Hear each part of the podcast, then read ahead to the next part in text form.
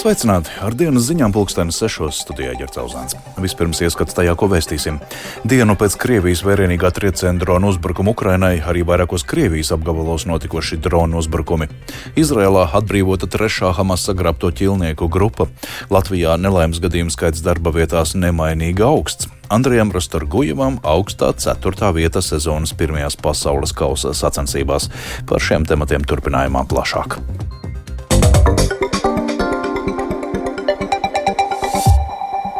Aizvadītajā naktī un arī šorīt Krievijā noticis drona uzbrukums piecos apgabalos. Uzbrukumi notikuši Maskavas, Tūlas, Kalugas, Brjanskas un Smoļenskas apgabalos, bet vairākas valstis paziņojušas par jaunām iemaksām Ukrainas graudu eksporta iniciatīvā. Plašāk par aktuālo Ukrainā un Krievijā stāsta Rihards Plūme. Tulā drons naktī ietrēcies daudz dzīvokļu mājā, izsisti logu stikli trim dzīvokļiem un cietis viens cilvēks. Tulas apgabala gubernators Aleksandrs Djumins apgalvo, ka vēl divus dronus naktī Tulas apgabalā esot notriekusi pretgaisa aizsardzība. Arī Brianskas un Kalugas apgabalos naktī esot notriekti droni, taču tur postījumi nesot nodarīti. Tikmēr Maskavas apgabalā naktī droni nodarījuši postījumus trīs ēkām, bet cilvēki nav cietuši. Par to paziņoja apgabala gubernators Andrejs Vorobjovs. Vairāki droni notriekti Maskavas piepilsētās. Krievijas propagandas mediji vēsta, ka dronu uzbrukuma laikā tika pārtraukta lidmašīnu nolaišanās un pacelšanās Maskavas, Vnukovas un Domodēdovas lidostās. Tikmēr medijas Ukrainska pravda vēsta, ka Krievija cenšoties saprast, ar kādiem jauniem droniem Maskavas apgabalam naktī uzbrukts. Ukrainas mediji vairāk kārt ziņojuši, ka Ukraina uzlabo un papildina savu dronu floti. Krievijas aizsardzības ministrija apgalvoja, ka Maskavas, Tulas, Kalugas un Brianskas apgabalos aizvadītajā naktī pretgaisa aizsardzība notriekusi pavisam 20 bezpilota lidaparātus, bet pēc 9 rītā Brianskas, Smoļenskas un Tulas apgabalos notriekti vēl 4. Neatkarīga apstiprinājuma informācijai par notriekto dronu skaitu gan nav. Ukrainas amatpersonas nav komentējušas ziņas par aizvadītās nakts drona uzbrukumu Krievijā. Tomēr tas seko iepriekšējā naktī notikušajam Krievijas triecienu dronu uzbrukumam Ukrainai, kas bija lielākais kopš kara sākuma. Tādēļ domājams, ka tā bijusi Ukrainas atbilde. Ukrainas dronu uzbrukumi aizvadītajā naktī notikuši arī okupētajā Donetskas apgabalā, nodarot postījumus enerģētikas infrastruktūrai. Vairākās pilsētās tur tika pārtraukta apkure, jo nedarbojās katlu mājas. Tikmēr Krievija naktī uzbrukusi Ukrainai ar deviņiem droniem, no kuriem astoņi notriekti. Vakar Ukrainā norisinājās pārtikas nodrošinājuma samits Graudi no Ukrainas. Tā laikā vairākas valstis paziņoja par līdzekļu iemaksu šajā iniciatīvā, lai veicinātu lauksaimniecības produktu eksportu uz citām pasaules valstīm. Līdz šim prezidenta Valdemira Zelenska iniciētajā programmā iesaistījušās 30 valstis un starptautiskas organizācijas, atvēlot tai 180 miljonus ASV dolāru. 170 tūkstošu tonu pārtikas nosūtīts uz Etiopiju, Somāliju un Keniju. Vēl 25 tūkstoši tiks nosūtīti uz Nigēriju. Šogad Ukrainā paredzēts novākt 79 miljonus tonu graudu, tas ir par 10% vairāk nekā pērn. Aptuveni 25% no saražotajiem graudiem tiek patērēti Ukrainā, bet pārējā daļa ir paredzēta eksportam. Ukrainas premjers Denis Šmihals norādījis, ka Krievija ir nozagusi un pasaules preču tirgos eksportējusi Ukrainas graudus viena miljārda ASV dolāru vērtībā. Premjers skaidroja, ka Krievija ir sagatavojusi tehniskos līdzekļus tam, lai katru dienu no okupētajām teritorijām nozaktu un izvestu 12 tūkstošus tonu graudu. Rihards Plūme, Latvijas radio. Izraels armija šovakar paziņoja, ka teroristiskais grupējums Hamas atbrīvojas vēl 14 gūstā turētus izrēliešus un 3 ārzemniekus. Atbrīvotie esot nodoti sarkanā krusta pārstāvjiem. Savukārt Hamas ziņo, ka atbrīvoti 13 izrēlieši. Nesakritība atbrīvoto ķilnieku skaitā iespējams skaidrojama ar to, ka vienam atbrīvotajam ir gan Izraels, gan Krievijas pilsonība. Jau ziņojam, ka Izrēlā šovakar bija gaidāma trešās teroristiskā grupējuma Hamas ķilnieku grupas atbrīvošana. Bija paredzēts, ka Hamas varētu atbrīvot 13 izrēliešus un 7 ārvalstu pilsoņus, kuru vidū varētu būt amerikāņi. Savukārt Izraela varētu atbrīvot 39 ieslodzītos palestīniešus. Kopējais skaits, ko Hamas līdz šim ir atbrīvojis, ir 41 cilvēks. Izraela atbrīvojusi 78. Uz četrām dienām noslēgtais pamieris ilgs vēl šodien un rīt. Katara gan paudus pārliecību, ka pamieru izdosies pagarināt, bet Izraels valdība norādījusi, ka pamieris varētu tikt pagarināts, ja katru dienu tiks atbrīvot vismaz desmit izrēlieši. Hamas Gazas joslā joprojām tur ap 200 ķīlnieku.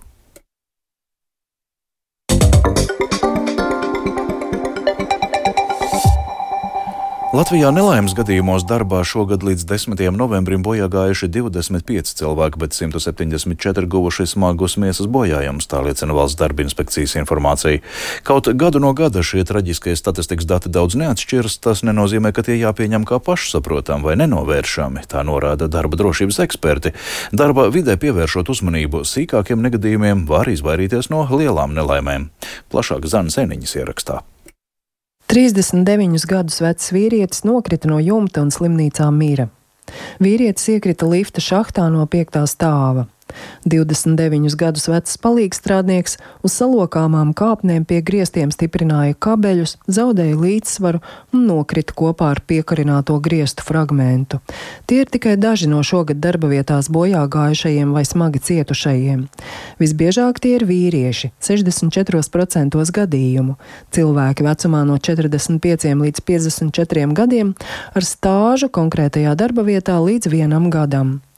Visbiežāk negadījumi notiek apstrādes rūpniecībā, tirzniecībā, transporta nozarē, būvniecībā un veselības un sociālajā aprūpē, pastāstīja valsts darba inspekcijas pārstāve Sandra Zariņa. Ja mēs skatāmies letālos nelaimes gadījumus, tad pirmajā vietā ir būvniecība, tad tieši tādu pašu skaitu septiņiem letālajiem seko transporta nozare, un trešā vieta ir lauksaimniecība un mežsaimniecība.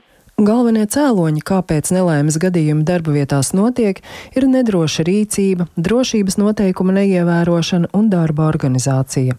Tas liecina, ka iespējams vajadzīga tikai lielāka darbinieku uzraudzība vai apmācība, kura bijusi vai nu nepietiekama, vai tās nav bijis nemaz.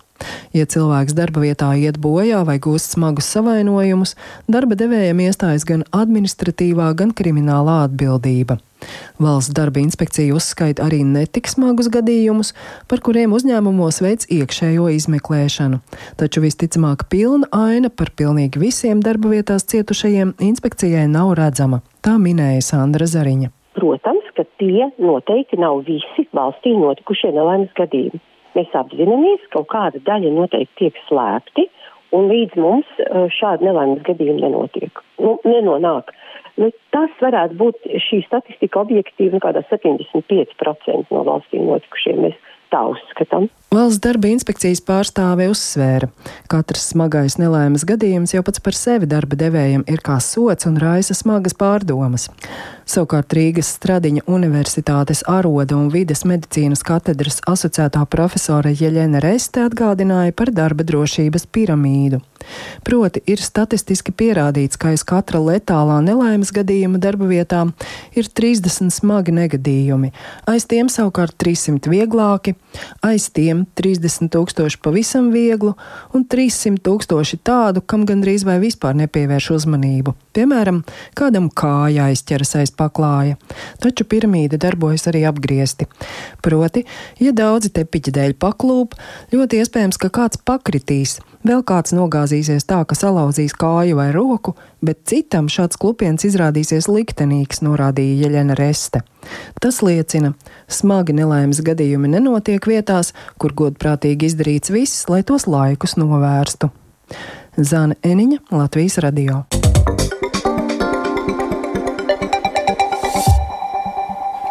Biatlonists Andrēs Rasturgujevs šodien pasaules kausa sezonas pirmajās individuālajās sacensībās izcīnīja augsto ceturto vietu. Uz goda piedestāla tikt patraucēja nopelnītā soda minūte pēdējā šaušanā un arī ātruma samazināšanās tuvojoties finišam. Par šodienas notikumiem ziemas sporta veidos turpina Reinas Grunspeņķis. Zviedrijas pilsētā Estersundā šajās brīvdienās tika dots starts jaunajai pasaules kausa sezonai Bietlonā. 20 km individuālajā distancē vīriešiem Andrejs Rastorgujevs pirmās trīs šaušanas veica nevainojami, trāpot 15 no 15 šāvieniem. Pēdējā šaušanā stāvus neprecīzs izrādījās otrais šāviens, dodot vienu soda minūti. No vadošajiem bietlonistiem bez soda minūtēm neiztika neviens, un pēc visām četrām šaušanām Rastorgujevs tikai par dažām sekundēm atpalika no diviem diviem vāciešiem - Romāna Rēsa un Justusa Strelova. Tomēr izturība pēdējos kilometros līdz finišam lielāka izrādījās konkurentiem. Rēsas un Strelovs savu pārsvaru finišā palielināja. Tāpat Rasturgujevu apsteidza arī Norvēģis Johannes Stingnes B. Finišā Rasturgujevs atpalika par 29,1 sekundi. Latvijas Bietlona izlases treneris Reinis Korsunaus atklāja, ka pirms pirmā posma Rasturgujevs bija apslimis. Varbūt bija drusciņ pārsteigums, jo Andres ierodoties pirms kausa bija apslims bet nu, visā visumā paspēja sakārtot veselību, un man liekas, rezultāts ir fantastisks. Šaušanā viss izskatās jā, ļoti labi. Nu, tādā, teikt, individuālā distancē sašot 90%, man liekas, ir ļoti augstvērtīgs rezultāts. Nu, Andrēs, kā jau vienmēr, tieši, nu, kā saka, viens kā vienmēr ir liekas, jā, vajadzēja 4-0 ir skaists, bet tas ir biatlons, kā būtu, ja būtu. Pagalam neveiksmīga pirmā šaušana šodien izvērtās Renāram Birkentālam, tajā nopelnot 4 soda minūtes. Finišā viņš ierindojās 197. vietā, kamēr Aleksandram Patrijukam 91. vieta. Sieviešu 15 km sacensībās labākā no latvietēm bija Sanita Buliņa, kurā ar četrām kļūdām šaušanā izcīnīja 57. pozīciju. Tikmēr Somijā pasaules kausa pirmo posmu šodien noslēdza distanču slāpotāji Patricija Eida Viduka 20 km brīvā stila distancē ar kopēju startu finišēja 24. vietā. Viņa par mazliet vairāk nekā divām minūtēm zaudēja Zviedrietai Mūai Īlarai, kura izcīnīja pirmo uzvaru karjerā. Eiduka pirmo posmu vērtēja kā neveiksmīgu, pirms tam viņa ierindojās 42. vietā sprintā un 39. vietā 10 km distancē, kas abas notika klasiskajā stilā. Eiduka sarunā ar Latvijas radio pastāstīja, ka startam pirmajā posmā patraucējuši pārāk intensīvie treniņi pēdējās nedēļās, kā arī iekaisis papēža kauliņš. Man ir uh, iekaisis papēdim kauliņš, un līdz ar to es nevaru nevienu sapausu uzvilkt kājās, un man slēpzābaka ir šobrīd ir izgriezts caurums aizmugurē zābakam, lai es varētu, lai man nebūtu spiediena no sapēža kaulu. Tas ir, tā bija vienīgā iespēja, kā man tikai startēt sacensībās. Arī bez tā kauliņa mana forma šobrīd nav labākajā kondīcijā pilnīgi, pilnīgi un absolūti, bet Es domāju, ka viņa paliks bišķiņa labāka, bet uh, tas būtu vairāk no tiem apjomīgiem treniņiem. Jā. Eiduka šobrīd brauks mājās un mēģinās savest kārtībā veselību. Pagaidām starts nākamās nedēļas pasaules kausa posmā Jelivārē, Zviedrijā ir plānots, taču netiek izslēgta arī šo sacensību izlaišana. Reinis Grunspēņķis, Latvijas radio. Vēl līdz 13. decembrim Latvijas Investīciju un attīstības aģentūrā pieņem projektu iesniegumus valsts budžeta līdzfinansējumu konkursā ārvalstu filmu uzņemšanai Latvijā. Šīs konkursa kārtas budžets ir 50 tūkstoši eiro, un tā mērķis ir atbalstīt citu valstu spēļu filmu, animācijas vai dokumentālo filmu uzņemšanu Latvijā sadarbībā ar vietējiem kino profesionāļiem, tā piesaistot arī ārvalstu līdzekļus Latvijas filmu nozarei. Stāsta aģentūras pārstāvis Jānis Kovaļevskis. Šī programma ir balstīta uz fiskālo neutralitāti, kad tiek atbalstīti projekti, kuri eh, kopumā valsts budžetā ienes lielāku atdevi, tad eh, arī tam pieejamajam budžetam nav tik izšķiroša loma, un viņam tiek attiecīgi piešķirts finansējums. Un tas atbalsta apmērs ir 20% no filmas uzņemšanas attiecināmajām izmaksām, bet 30% ir eh, attiecināmi uz atalgojuma izmaksu. Iepriekšējās konkursu kārtās šogad līdzfinansējums jau apstiprināts, piemēram, vēsturiskā seriāla Sisijas turpinājuma uzņemšanai un arī vairākiem citiem Latvijas un ārvalstu kino koprojektiem. Līdz ar to izskan dienas ziņas sešos. Tās producēja Viktors Pupiks, par labskaņu rūpējās Kaspars Groskops un Mārtiņš Paeglis studijā Ģercauzāns. Yeah.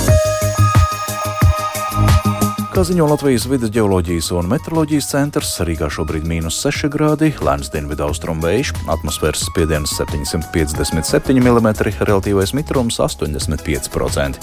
Naktī Latvijā gaidāms mainīgs mākoņu daudzums, austrumos mākoņi būs vairāk, vietām neliels sniegs, ceļi slideni, lēns vējš līdz 5 metriem sekundē, gaisa temperatūra vietām rietumos - mīnus 15, mīnus 11 grādi, citur Latvijā - mīnus 10, mīnus 5. Rītdienā gaidāms mainīgs mākoņu daudzums, austrumos Austrumos mākoņi būs vairāk, vietām mazliet sniks, ceļi atkal slideni, ziemeļvējš 3 līdz 8 m2, gaisa temperatūra - 6, 1 grāds. Rīgā mainīgs mākoņu daudzums, rīt no rīta neliels sniegs, ziemeļu ziemeļaustrumu vējš 3 līdz 8 m2, gaisa temperatūra naktī - 9, 7 grādi, rīt dienā - 3, 2. Laika tips rīt otrais - labvēlīgs. Un nākamnedēļ Latvijā saglabāsies saules un turpinās palielināties sniega saga. Tā prognozē Latvijas vidusgeoloģijas un meteoroloģijas centrā.